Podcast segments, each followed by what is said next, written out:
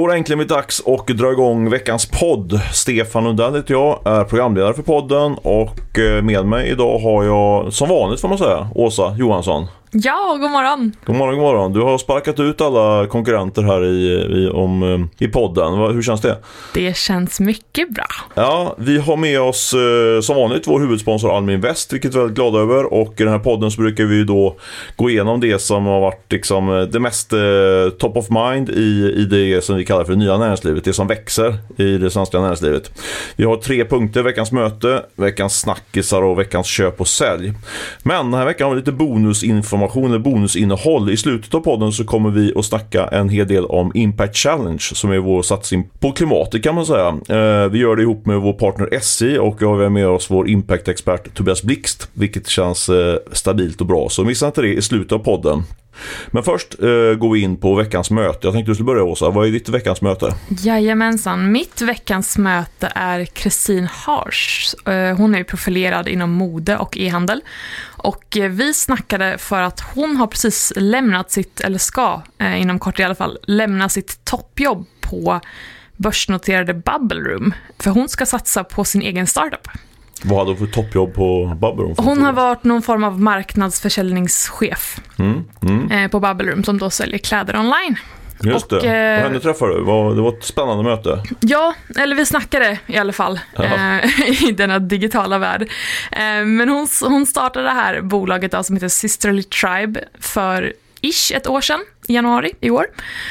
Och eh, hon ska sälja yogakläder som produceras hållbart, helt enkelt. Och efter att hon eh, startade upp den här verksamheten då, så har hon jobbat kvällar och helger med det här för att få rull på det. Men hon har ju samtidigt behållit sitt jobb på Bubble Room tills nu. Just det. Så nu så sa hon att nej, men man måste välja vad man ska fokusera på någonstans. Och, eh... Det har jag faktiskt också tänkt på. För jag följer henne lite grann på LinkedIn, hennes flödare. Jag har sett att ah, hon okay. har dragit igång det här lite grann på, vid sidan av så att säga. Men ja, men precis. Du har tänkt på liksom, ska hon inte välja, ska hon inte köra, gasa, gasa fullt ut liksom? Det gör hon nu då? Ja, nu verkar det verkligen som att hon ska göra det. Och eh, jag tycker att det var, det var jätteintressant. Just för att det verkade vara lite av en så här, pandemieffekt i det hela. Mm. För hon pratade om att så här, Ja, nej men äh, när corona kom så ställdes allting liksom på sin spets och man frågade sig vad är det man vill göra. Eh, och då verkar hon, hon ju ha landat i det här. Liksom. Mm, spännande. Tror du att hon har något stort på gång eller blir det här med ett levebrödsföretag? Skulle du säga? Du, det är jättesvårt att säga. Hon, var, eh, hon höll tillbaka med sådana detaljer. Eh, hur mycket jag än försökte att få siffror och så vidare. Äh, men vad tror du? Tror du att hon kommer bli, är liksom ambitionen att växa, att bygga något riktigt stort liksom, eller är det, är det något annat? Säkert stort inom Sverige mm. i alla fall. För mm. hon ska ju sälja då yogakläder. Men sådana här bolag har ju bubblat upp lite överallt i Sverige alltså de senaste åren. Om vi tittar på Stronger exempelvis, det är ett sånt märke som säljer eh, träningskläder. Men då menar hon ju att det som hon ska sälja det är yogakläder och det ska vara producerat på ett hållbart vis. Liksom. Eh, så vi får se, men det är ju en väldigt konkurrensutsatt bransch så att, eh, det ska bli spännande att se om hon kan slå igenom det här. Hon kanske blivit inspirerad av sin bror eh, Alexander Hars. Han är ju en väldigt framgångsrik entreprenör och han har ju efter att han sålde så han har byggt upp två bolag faktiskt och sålt. Ja, men just det. Och han har ju dragit igång någon, eh, vad heter det, Lakan, Lakansföretag han dragit igång som ska vara superhållbart och eh, miljövänligt och schysst mot de som producerar det. Så de kanske Aha. inspirerade varandra. Ja, det var mer än vad jag visste. Ja, ja de men har då... pitchat det där bordet för mig. Jag har fått en liten rabattkod som jag aldrig använt. Jag tyckte det var, det var lite för dyrt faktiskt för mig. Men det säger väl mer om mig än om hans produkt förmodligen. Du och jag skulle egentligen haft det som jag tänkte snacka om i mitt möte. Vi skulle haft det ihop egentligen. Jag var ju på Tommy Jakobsson, riskkapitalist journalisten och affärs, eller investerarens eh, glöggmingel. Men du backar på det, du hann inte riktigt. Exakt, nej jag fastnar i annat. Så jag missar ju den här, vad som verkar ha varit årets fest. Bara döma ditt ansikte här. vad var det som hände egentligen? Ja, nej du, det säger mer om mig i sådana fall. Jag tänkte, jag var nästan så att jag, så att jag sänkte medelåldern där och då är jag ändå snart 50. Uh, eh, nu låter det väldigt bäsigt här. Det, på, ett sätt, lite. på ett sätt kan man säga att det var, det var en rätt tung tillställning då. Det var, det var, det var väl ett 50-tal personer där och det var en hög, eh, hyggligt hög densitet utav miljardärer där faktiskt och liksom rätt tunga profiler. Men, men jag noterar samtidigt att eh, de som sitter på riktigt mycket pengar, de, de, har, de har också varit med en stund kan man säga. Det var lite mm. sån. Så du hade, du hade säkert gjort succé där och fått lite mer, kanske ännu bättre fart på festen. Men det var en bra fest, eller det var ingen fest, det var ett mingel och det var ett eh, bra substantiellt mingel får man säga med, med bra och intressant intressanta människor. Och eh, det märks ju verkligen att eh, att det varit ett otroligt bra år för många av de här rika mm. investerarna. På, på vilket sätt märktes det då? Alla gick runt och myste liksom och var väldigt nöjda. Eh, Tommy Jakobsson är ju en av de stora vinnarna. Han har ju varit stor, ehm, eh, kom in förhåll förhållandevis sent egentligen Truecaller men sen har det varit en fantastisk resa där. Eh, vi pratade om det i förra podden. Jag tror att han ligger någon miljard eller två plus där eh, bara i Truecaller. Så det är ju fantastiskt eh, bra. Och eh, om jag ska ta lite kort om Tommy Jakobsson så, så driver han ju ett bolag som heter Zenit. och det blir tydligare och tydligare att, att han tillsammans med sina medarbetare försöker positionera sig mot de andra eh, eh rätt tunga riskkapital, riskkapitalbolagen, VC-firmorna i Stockholm nu. Tidigare har han varit inne liksom med liten, liten typ, lite annan typ av investeringar. Men, eh, men nu är det tydligt att han liksom kör stenhårt mot, mot, eh, mot dem då. Men enkelt. vill du utveckla det där? Hur är det tydligt? Liksom? Ja, men det tydligaste är väl att han har, att han har sålt av eh, de andra verksamheterna, eller håller på att sälja av de andra verksamheterna och bygger upp en fondverksamhet verksamhet då och eh, det var ingenting som, det är ju väldigt hemlighetsfullt det här med när man ska resa fonder i, i den här riskkapitalvärlden för, för det finns eh, om man är ute och snackar om det där för tidigt så kan det bli eh, träffas man utav en viss typ av regler så därför måste man alltid vara väldigt hemlig med det man mm. får inte säga till journalister och så men med det sagt, ingen sa någonting till mig men jag, men jag råkar veta att de har en större fond på gång nu håller på att resa en fond på en, sådär med en halv miljard och en miljard ligger den fonden på. Okay. Så det är väl tydligt säkert på att de tar en position reaktion då ja. mot, uh, mot de här andra spelarna. Uh, de vill ju vill inte säga någonting om detta men uh, jag tror att de, att de kommer att sätta det där eftersom det är så hett klimat nu så tror jag att de kommer att sätta det ja, inom några månader gissa. Att vi kommer att få läsa om Break It för då vågar de väl gå ut med det. Det är ja. mitt tips. Ja, får vi se då. Ja. Ha, men vad hände mer på den här festen då? Det fanns ju ganska många där om jag förstår rätt. Ja men det var ju som, som jag var inne lite grann på en hyggligt intim tillställning. Det var, det var ju eh, PR-konsulten och ja, i, allmän, i största allmänheten profilen kan man säga. Dominika Presinski heter hon va? Eh, ja. Gamla Army of Lovers-deltagaren eh, eh där. Hon eh, gled runt där på, på festen och bjöd på champagne. Eh, trugade mig hela tiden med nya glas. Eh, så jag drack lite för många champagneglas kanske. Och så var det, hade hon fått med sig Anders Borg som är hennes man numera tror jag va? Ja. Har du koll på det? Eh, jag vet inte riktigt men jag tror det. Men han, han tror de är gifta. Men han stod och myste. Någonting sånt i alla fall. Ja, och han gav ju ändå liksom en, fortfarande är ju ändå, han, han blir utsedd till, till Europas bästa finansminister och det surfar han ju fortfarande på något sätt i, i de här sammanhangen på. Eh, sen var Rickard Julin där som eh, brandades som världens främsta champagneexpert. Jag kan inte verifiera det men han var där, han snackade om att han hade smakat på sådär 13 eller om det var 14 000 olika sorter champagne. Eh, han var ganska okay. underhållande. Ja. Camilla Thulin eh, gav stiltips till Tommy bland annat. Han hade, stod ju där i en vanlig tröja. Eh, men han tyckte, hon tyckte att det var helt rätt och hon vägrade att kalla någonting för mode. Man skulle bara gå efter sin stil och sådär. Eh, så jag, jag, jag lyssnade. Det var, det var ganska många så här eh, roliga små, eh, vad ska man säga, inslag i det där julminglet som, eh, som gjorde som jag ändå gör, tycker att jag kan säga att du gjorde ett misstag att inte gå dit. Ja, jag ångrar mig djupt nu när jag hör det här. Ja, är det så? Va? Det är ja, så. verkligen. Så, ja, men det kanske kommer fler chanser. Ja, det hoppas jag. Du är säkert inbjuden igen där, absolut du verkar ju inte ha suttit lite som en fluga på väggen här utan du snackar med en hel del folk onekligen. Men eh, fick du några hårda nyheter då? Ja men alltså jag tänkte jag skulle lite så här försöka konkludera då för det är ju ändå det som är mitt mål när jag är ute på den här typen av tillstånd. Jag är väldigt, ut, väldigt sällan ute på sånt där faktiskt. Jag är mer inne i det här lunch och frukostspåret men eh, ja. det är ju verkligen att samla nyheter. Det, så är det faktiskt. Så jag är där för ert skull, ni som lyssnar på den här podden. Inte för att dricka champagne och eh, frottera mig med kändisar.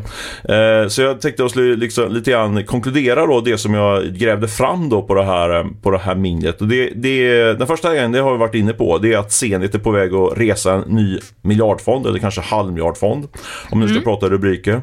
Eh, Tommy Jakobsson själv då, han hade en dragning och han tror på ett nytt kanonår för börsen. Eh, han är inte orolig för inflationen, eh, som många är nu, och eh, han spår då däremot som många andra gör, eh, ökad arbetskraftsbrist då. Tycker jag, och Tommy Jakobsson har faktiskt ett track record som är ganska duktig så här makrospanare, så han brukar ha rätt bra koll. Så, eh, så det kanske är något att snabba, snappa upp för ni som lyssnar på podden. Och Anders Borg då, han är väldigt bullish på NFT. Eh, han pratade varmt om bland annat ett Göteborgsbolag som jag tror att han investerat i som håller på att samla då rättigheter för musik. Eh, och han nämnde också ett bolag i Israel som var, som var långt framme på det här. Jag kommer tyvärr inte ihåg namnet, jag hade, kunde inte anteckna. Så Anders Borg är bullish på NFT medan då Dominika hon sätter sälj på NFT. Hon fattar inte hur det funkar och det, då kan jag säga att det är samma för mig ungefär. Så vi, jag och Dominika är ungefär på samma kunskapsnivå när det gäller NFT.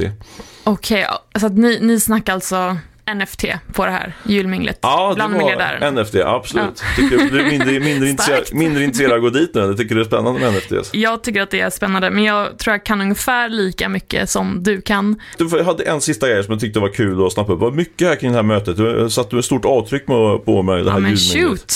Eh, vi hade ju som du såklart vet och hoppas att de flesta ni som lyssnar på podden vet att vi hade insamling till Unicef här för två veckor sedan nu då. Ja, precis. Eh, och eh, Tommy Jakobsson då Eh, chippade in 200 000 i den där insamlingen. Sen så åkte ju vår kollega Tobias Blix som kommer komma in här i studion om en stund.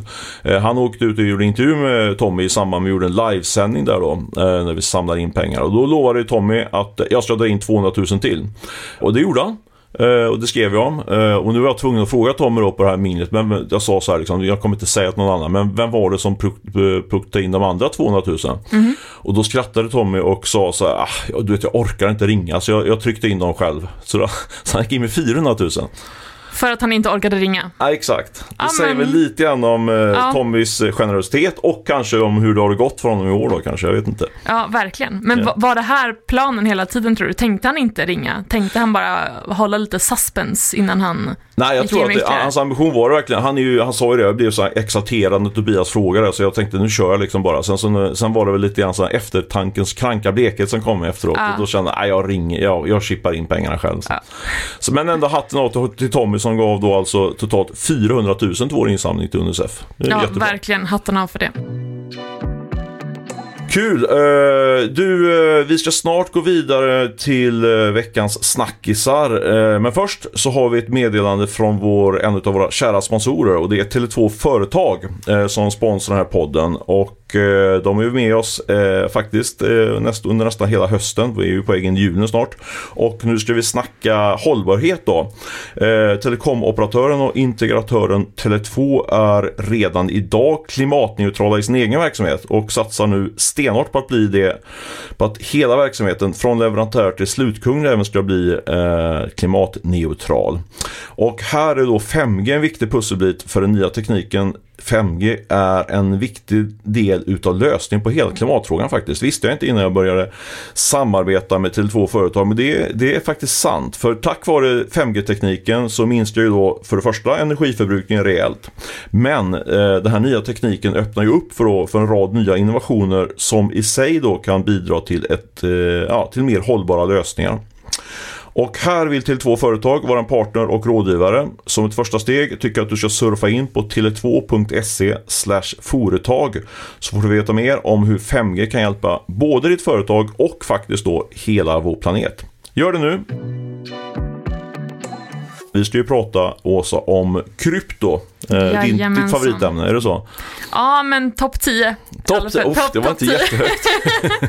men det finns mycket att prata om, så att, ja, men jag tycker ändå det är ganska högt med krypto på topp 10. Ja, men absolut. Men vi har ju delat upp de här. Då, den här veckan har vi ju liksom varit ganska så, um, ska jag säga, vi har gått åt varsitt håll kan man säga när det gäller snackisar. Du, var, du sa att jag vill verkligen snacka om det här med den nya kryptovalutan Inflensio som vi har skrivit om. Jag tror först vi avslöjade att den var på, på väg ut. Jag har faktiskt rätt upp dåligt uppdaterad trots att vi har skrivit mycket om den och varit med hög lösning på den. Eh, men det är ju i alla fall ett gäng kändisar, bland annat Joakim och Jonna Lundell och Ken Ring eh, som jag kan relatera lite grann till i alla fall. Mm. Eh, och Samir Badran och så vidare som står bakom den här, den här kryptovalutan. Men som sagt, jag är lite dåligt uppdaterad så du, du får förklara varför, vad, vad är det som har hänt och varför tycker du att det här är något vi borde ta upp i podden? Ja, nej men så här är grejen då att en ny kryptovaluta som kallas Influencio och vad som har hänt är då att det finns en tech-entreprenör som heter Daniel eh, Dabusi, tror jag man uttalar hans efternamn. Just det, tidigare eh, grundare av Funderby Ja, precis. Eh, så han och flera andra stora influencers, några av dem som du nämnde nyss, de planerar då att lansera en egen kryptovaluta, då denna Influencio.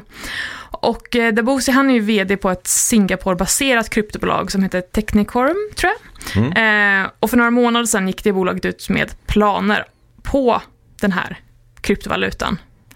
Och tanken med det hela då, då ska det, alltså den ska vara utformad för att vad som kallas för lösa de osammanhängande betalningsmetoderna i den globala branschen för influencermarknadsföring. Och det här låter jätteluddigt, men vad som är att snacket går ju liksom om att influencers kan få betalt på lite olika sätt när de marknadsför, exempelvis nu har jag inga hårda siffror på det här, nej men, nej, men exempelvis att eh, marknadsför du en produkt, ja, men då kanske du får några lådor av den här produkten istället för pengar på kontot exempelvis. Mm. Och influencer marketing-marknaden växer ju jättemycket, jättesnabbt så att ja, man vill väl sätta plattformen för, för en liksom, eh, betalningsmetod helt enkelt. Just det. Och, och liksom om jag bara förbereder, så det är liksom ett sätt att göra det lite enklare för influencers att få betalt eller, ett, eller, eller skapa en ny intäktsström för dem då? Eller? Alltså man kan ju tänka sig att det är tanken, men krypto kan ju omöjligt vara svaret på det. För när man, alltså när man hör krypto, då går ju alla varningslampor igång samtidigt. Är det så? Är det är det bara så? utrymma, ja.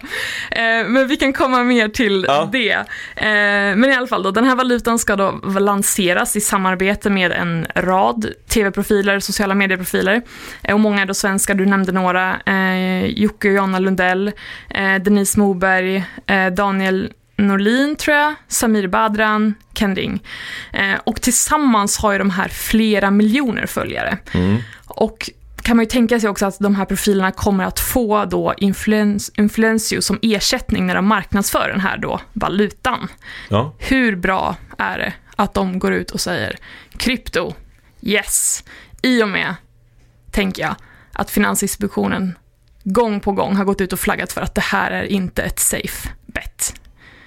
Va, Så du, va, tänk, du tänker liksom att de här, de här influencers som är kanske då, tänker jag lite fördoms... Eller kanske det är väl så. Många unga följare som kanske inte har samma erfarenhet av de finansiella instrumenten som, som vi äldre gubbar har. Eh, och du tänker att de lite grann blir blown away utav sina, sina förebilder och eh, köper in sig det här och sen förlorar massa pengar. Är det så du tänker? Så kan det säkert bli, för alltså man, kan, man kan ju bli liksom, vad du säger, blown away för mycket mindre. Ser man upp till någon, man följer den personen, den säger kör på det här, nej men det är ju jättelätt att följa i det spåret då. Liksom. Mm. För liksom, om man tänker så här, vad, vad, vad kan hända då? Om följare har köpt en valuta eh, och denna rusar i värde, säg exempelvis som en aktie går upp eh, när köptrycket på den här aktien är stort. Ja, du hör, det, kan- det kan bli ett rally liksom och igen, det är ingen aktie vi pratar om nu, det är en kryptovaluta. Mm. Mm. Så Så du är väldigt negativ till det här, kort sagt? Ja, skeptisk, absolut. Skeptisk, ja, eh, och ja. jag tycker att som influencer så borde man eh, ta det säkra för det osäkra här. Särskilt i och med att, nej men igen, det är krypto. Mm. Och krypto är lite fuffens. Mm. Det tycker du? Ja, det tycker jag. Jag är väl lite influerad av uh, eh, Anders Borgs uh, hårda så insägning utav NFT. Det, som, som, det ligger ju lite grann i samma, samma härad som krypto. Liksom. Så jag tycker man ska ha ett, eh, ett öppet sinne uh, kring det här. Men uh, samtidigt så förstår jag ju vad du menar. Liksom, att det, det finns ju, man blir lite misstänksam om det är folk som tänker att de ska tjäna snabba pengar på de här. Det finns ju liksom såna, den typen av ingredienser. Liksom. Uh, influencers, fokus på på, på en ung målgrupp som kanske inte i, som kanske har helt koll på, på risker och sånt kring, eh, kring finansiella investeringar. Och att det är sån hype då runt krypto hela tiden. Liksom. Så det, jag vet inte, det, finns, det är väl lite så här att det är en häxbrygg här att det kan, Ja. kan skapa, skapa Ja, ja. problem. Men med det sagt, jag hoppas att jag har fel.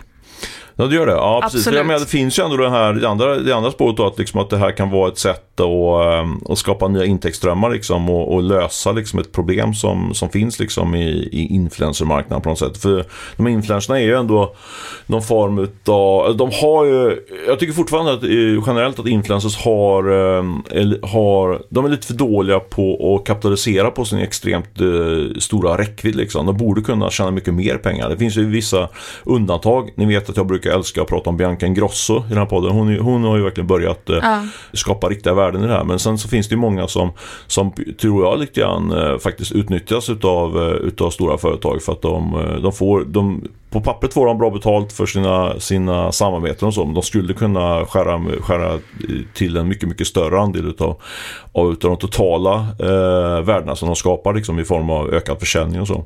Ja, eh, absolut. Ja. Och det, alltså, det är ju fortfarande en ganska omogen marknad med hela influencer marketing.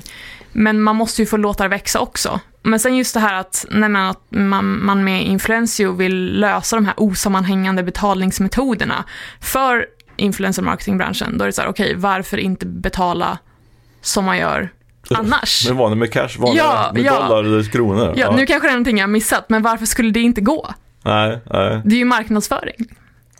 Relevant fråga, relevant fråga. Ja, men spännande. Vi, vi vill ju följa det här. Eh, det gör vi Som sagt, Daniel Dabush är ju, ju en person som vi har styrt mycket om i samband med, med eh, Fundamemi och det bolaget får man väl ändå, om man ska vara lite kritisk, det, det har vi aldrig, egentligen aldrig riktigt lyft eh, och har fått en del kritik också. Det handlar ju om att man, att man ska investera i massa olika projekt kan man säga. Det är ju en form av handelsmarknadsplats liksom som är i grunden en innovativ lösning men som kanske inte riktigt har eh, flugit hela vägen om man ska vara, om man ska vara, om man ska vara sån.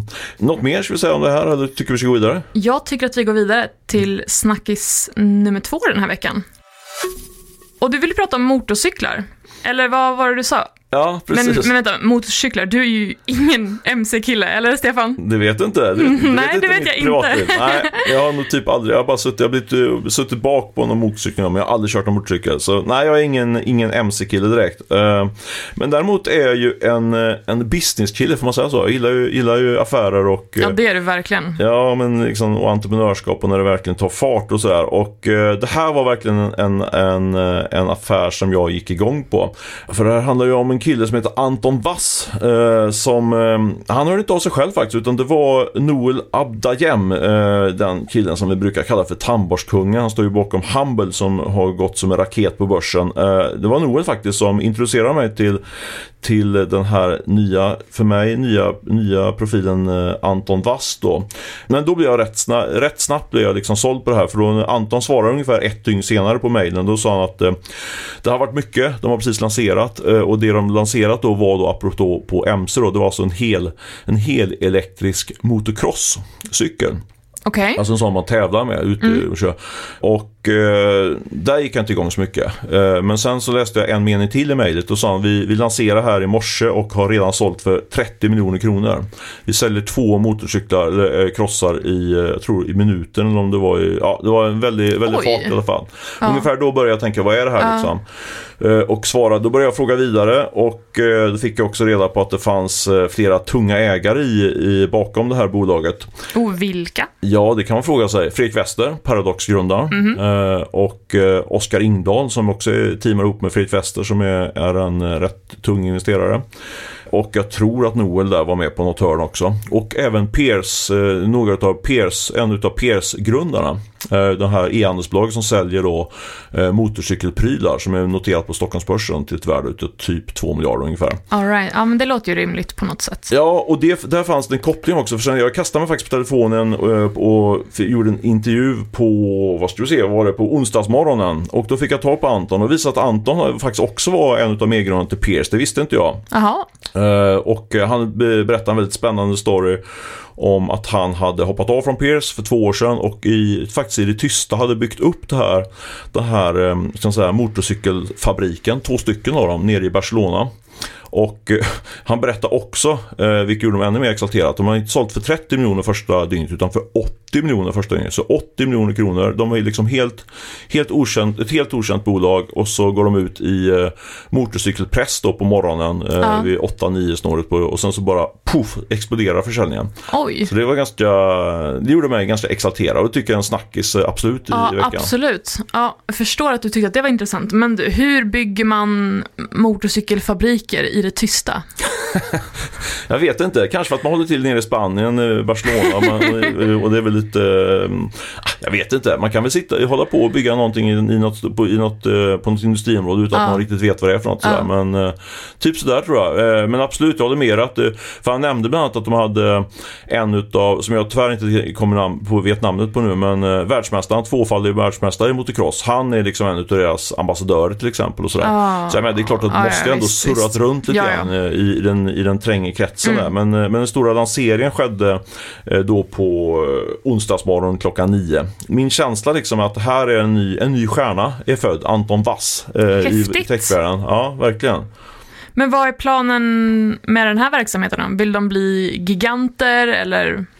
Ja, men jag brandade honom direkt ju som, eh, som Sveriges svar på Elon Musk såklart. Eh, han, eh, för han vill göra samma resa inom eh, motorcykelsindustrin som eh, som Elon Musk gjort då inom eh, fordon, eller bilindustrin då.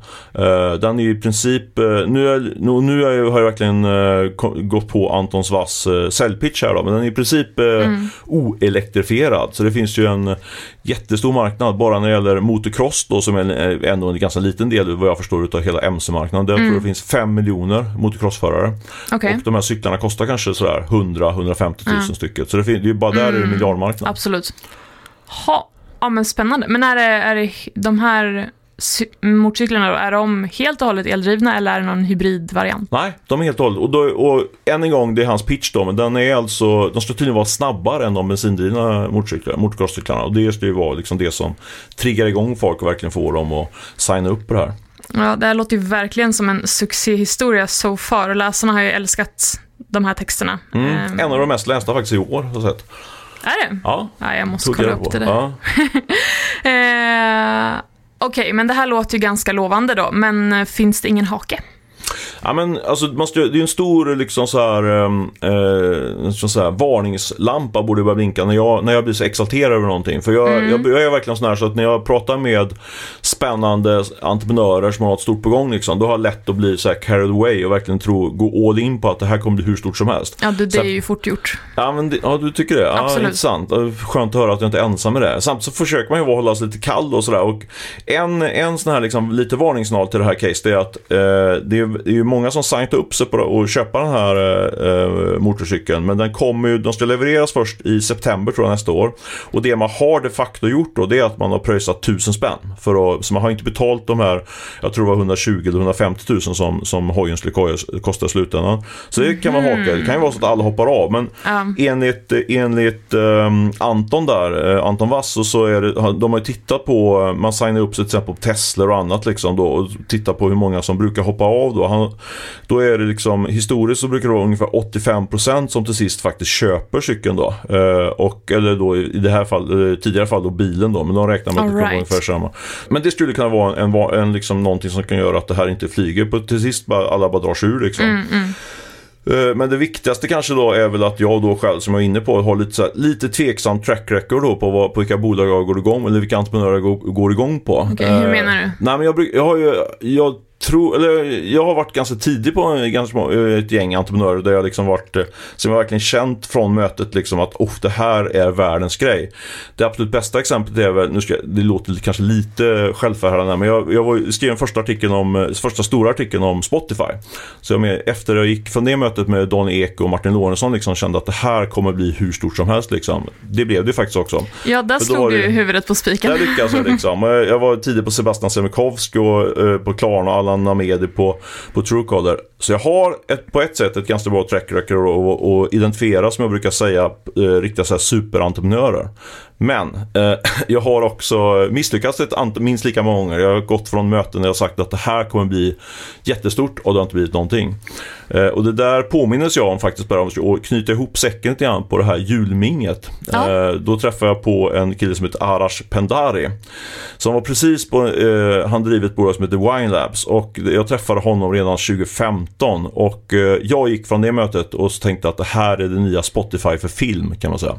Så blev det inte. Okej, nej jag har inte hört talas om det här. Nej, precis. Uh, ingen skugga över, Arash nu. Han har kämpat på och eh, nu kanske han har någonting på. De har fått göra en pivot liksom och, nu, är de mer som en, eh, kan man säga, en business to business leverantör till till Netflix-konkurrenter kan man säga utan att gå in på några detaljer så. Ja. Men, men min tanke där när jag träffade honom 2015, de hade Norson, eh, hetaste riskkapitalisten i stan som investerare med Mikael Nyqvist, skådespelaren. Ja.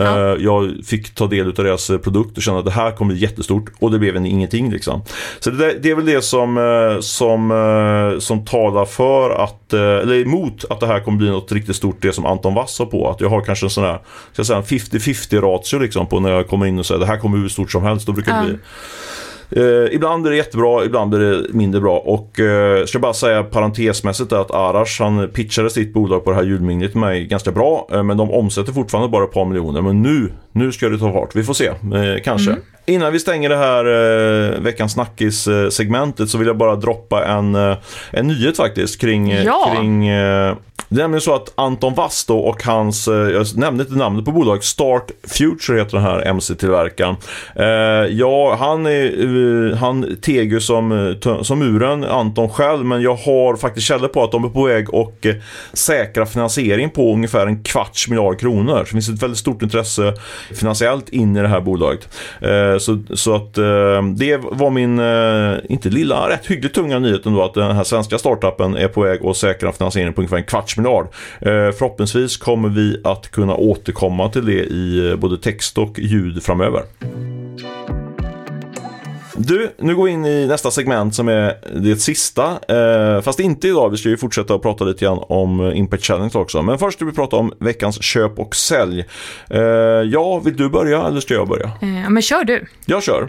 Jag börjar med veckans köp då för att vara lite positiv här in i julen. Men veckans köp tycker jag är Klas Balkov som är eh, koncernchef på Axfood, den stora eh, livsmedelsjätten.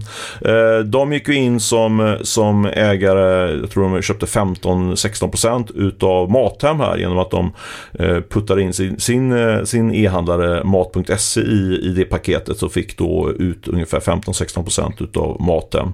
Eh, på ett sätt skulle man kunna säga att Klas Balkov därmed är veckans sälj eller förlorare för de var, det är nämligen så att eh, man var ju på väg att köpa eh, Mathem redan för 5-6 år sedan. Då hade man ju kunnat köpt in sig mycket billigare. Men för det första så var ju inte Claes Balkov eh, VD då, så han kan ju inte lastas för det.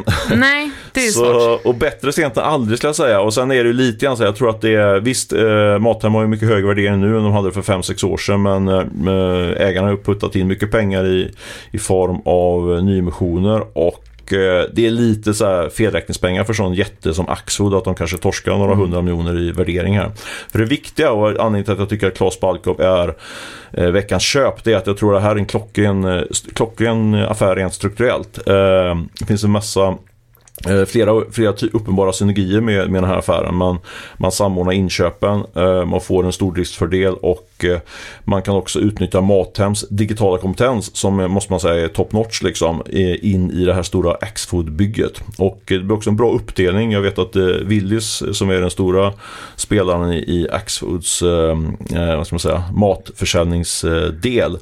De är ju väldigt duktiga på det här med click and collect. Det har ju blivit en bra grej. Men däremot själva e-handeln har inte riktigt lyft. Men nu får de in då en bra e-handelsdel i form av Mathem och Mat.se då. Så min prognos eller min profetia är att eh, man kör det här några år och sen så eh, säger man att man ska börsnotera det. Men istället för att notera det så kommer Axfood eh, sluka hela, hela eh, Mathem i en eh, miljardaffär. Det är min profetia. Det låter inte helt orimligt skulle jag säga. Nej, Ändå. får se, vi får återkomma något år eller två år och se om, fick, om vi fick rätt här. Ja. Du, eh, vad kör du? Köp eller sälj? Jag fortsätter i den optimistiska andan och säger köp. Och eh, veckans vinnare, Lars Wingefors, kom ju en nyhet igår kväll, Mm. i, ja, i onsdags var det, att spelkoncernen eh, Embracer Group, som han sitter på högsta stolen för va? Mm. Eh, Storägare och VD. Ja, exakt. De vill köpa franska spelbolaget Asmode för 28 miljarder kronor. Pengarna är med, som brukar säga. Ja, verkligen. Och eh, vad gör det här franska bolaget då? Jo, men eh, det är en brädspelsgrupp. Mhm. Spelar du brädspel? Eh, någon gång händer det. Mest lite schack. Ingår det? Är det brädspel? Schack? Ja, det är en väldigt bra fråga. Vi, vi får ringa upp eh, Lars och fråga tror jag. Eh, Eh, men det är digitala bräds- brädspel antar jag. nej, alltså det är, det är brädspel. Ja, okej. Alltså bräd, brädspel. Jaha, okej. Man kastar tärning och så vidare. Är det sant? Det ingen finns aning. fortfarande, ja! Jaha, är, är vi säkra på det verkligen? Ja men herregud, absolut. Ja, men Ja. Alltså, den här Asmo, de har ju exempelvis eh, i sin eh, portfölj, då, de har så här 970 spel, typ Catan, Ticket to Ride, eh, Seven Wonders, vanliga brädspel. Okej, okej. Ja, jag ger mig på den. Jag ger mig på den punkten. Ja. Men jag tror ändå vi måste ta en paus här, Åsa. Är vi verkligen hundra på det? På hundra, hundra procent? För det låter helt ofattbart att de bara ska köpa, sälja brädspel och skicka ut dem. Eh... Okej, jag ger mig Åsa. Jättebra, du har koll. Jag har ingen koll. Men nu, tar du, nu kommer du ikapp här på fysiska. Ja, men det är jättebra. Eh, så veckans köp är alltså Lars Wingefors som, som jag aldrig, jag kunde inte fatta det, men det är alltså fysiska brädspel som han köper. Vi har, Det är kan- fysiska brädspel och digitala. Ja men bra, men du, jag går vidare på veckans sälj från min sida och eh, den är kanske inte helt eh, liksom så här break it och eh, eh, nya eh, näringslivet kompatibelt. Men jag blev faktiskt lite upprörd när jag tittade på Jaså? SD Play här i, i går kväll. Eh, eh, där Anders Holmberg, eh, skulle jag säga, en av Sverige, kanske Sveriges bästa intervjuare Oh, i ja. sitt eh, segment. Du tycker också det? Eller? Absolut. Ja, man är grym faktiskt. En liten disclaimer ska jag väl kanske säga att jag har, eh, jag vet inte om jag behöver säga det, men jag, jag, det hände, någon gång har jag varit, faktiskt varit, kört ett litet träningspass med Anders Holmberg. Vi har gemensamma bekanta kan man säga. Är det sant? Ja, jag alltså jag blir lite starstruck. Nej, men det var inte därför jag skulle säga det. Det var rätt som jag skulle. Men för, jag skulle nämligen göra så att eh, säga att han gjorde en intervju med sin chef då, Hanna Stjärne, som är VD på Sveriges Television. Och jag tycker den stora veckans säljer på Hanna Stjärne, för jag blev, jag blev nästan, jag blev inte så ofta blir det, men jag blev nästan upprörd när jag satt och lyssnade på intervjun. För hon vägrade ju att ge ett rakt svar på, inte en enda fråga alltså. Hon bara snurrade runt, snurrade runt, snurrade runt och gav politikersvar. Eh, så jag tycker en stor sälj, säljsignal på Hanna Stjärne. Eh, tycker det är dåligt chefskap att man inte liksom kan vara lite tydlig eh, oavsett vad man tycker. Eh, tycker det var dåligt. Eh, och det är lite grann så att jag sa det på morgonmötet här att, på morgonen här vi kom in att jag vill, jag vill ha tillbaka min tv-licens. De får ju typ 5 miljarder varje år SVT. Fast det är ju då i en form av skatt så jag kan ju inte kräva tillbaka den. Jag kan inte sluta. Nej, det blir svårt. Nej, jag kan inte, och jag kan inte vägra betala tv-licensen för då får jag börja skattefuska eller hur man nu ska göra. Så det går inte. Men veckans eh, stora säljstämpel placerar jag på Hanna Stjärne. Vad sätter du din sälj på? Ja, men eh, du pratade ju om Sveriges Elon Musk eh, tidigare i det här avsnittet som en av veckans snackisar. Eh, men jag vill sätta sälj på den riktiga Elon Musk, eller snarare att han har utsetts till årets person av nyhetsmagasinets Time. Och det är ju som regel stora namn som brukar få den här ja, utmärkelsen, om man vill kalla det det. Men Elon Musk. Alltså, Superentreprenören. ja, superentreprenör, men det finns väl ändå andra som skulle kunna få den här Ja, utmärkelsen. ja. För visst, han är ju jättehäftig och säkert, ja, allt sånt.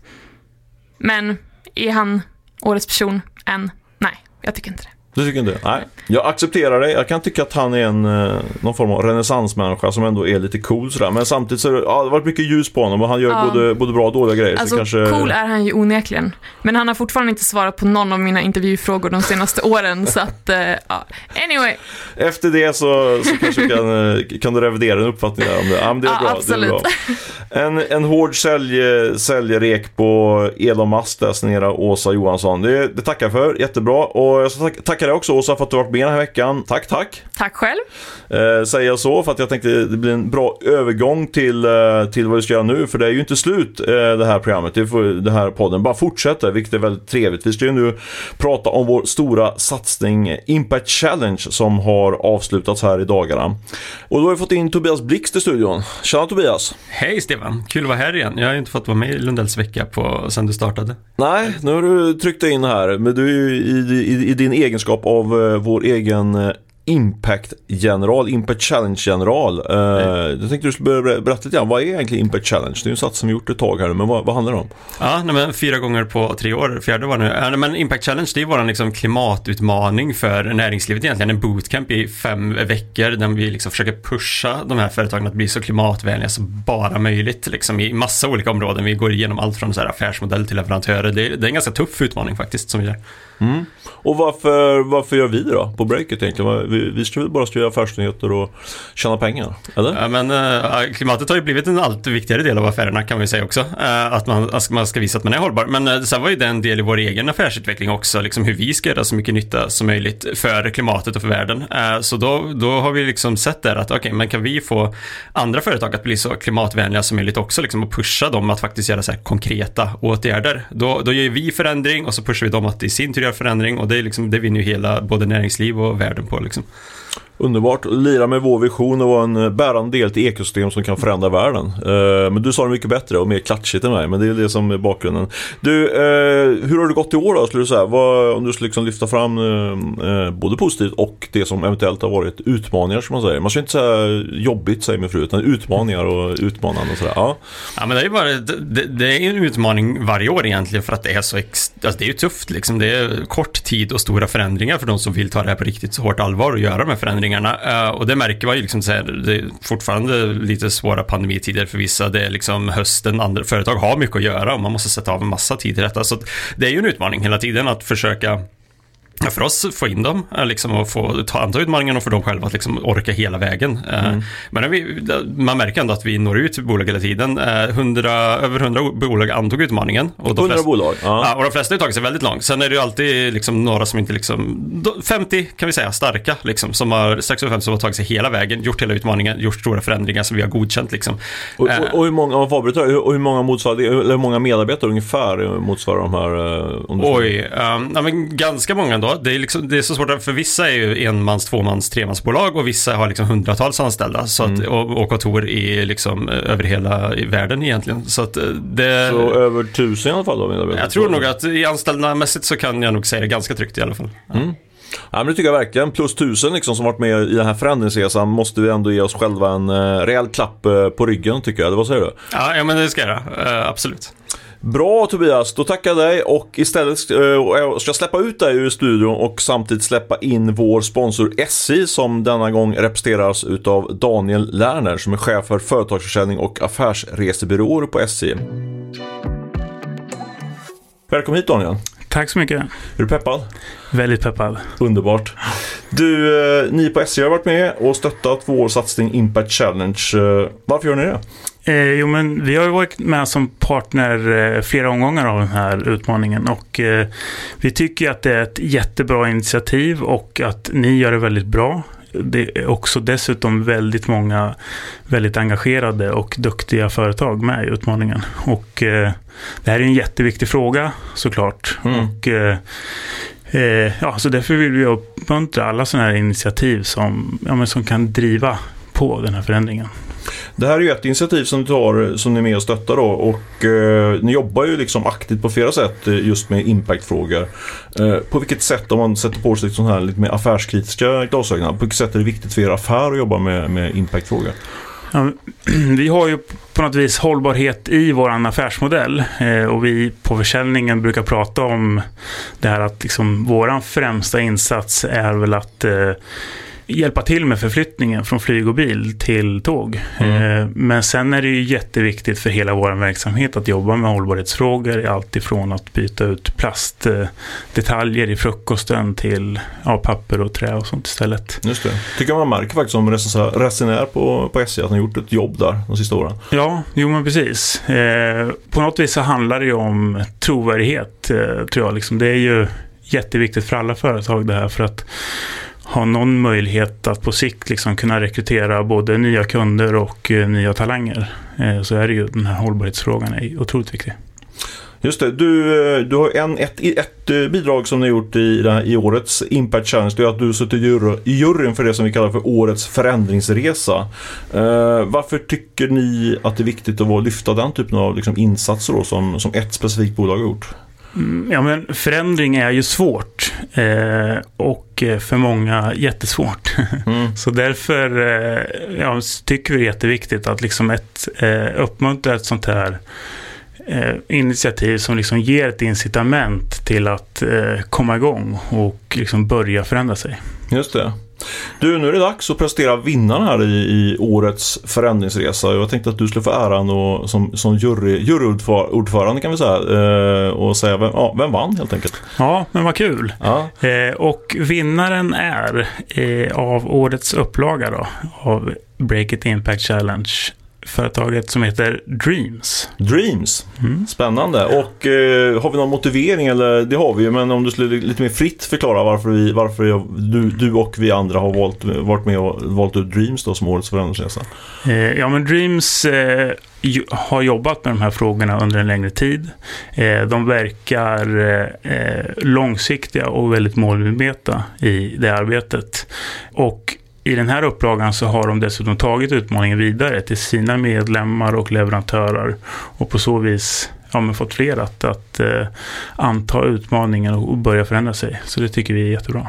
Skapat impact på riktigt kan man säga. Ja, precis. Kul! Uh, vi, vi gratulerar Dreams och uh, uppmanar alla att gå in och läsa på sajten där vi har en, en eh, lång och fyllig artikel där vi lite mer utvecklar varför Dreams får det här priset. och där finns också artiklar om hela Impact Challenge-projektet. Daniel, jag tackar dig för att du kom hit. Tack så jättemycket. Tack, tack och eh, dags att runda av veckans podd som varit väldigt matig med både spaningar och lite skvaller men också fokus på, på kanske en av de viktigaste frågorna, nästa, vi kan säga det, den viktigaste frågan just nu, impact-frågan. Eh, jag ska säga att eh, ansvarig utgivare har varit, eller är, Olle Aronsson och hör gärna av er med eh, både ris och ros till podden. Vi läser allt med stort intresse. Stefan at breakit.se är enklaste sättet att nå oss på det. Ha det bra så hörs vi nästa vecka.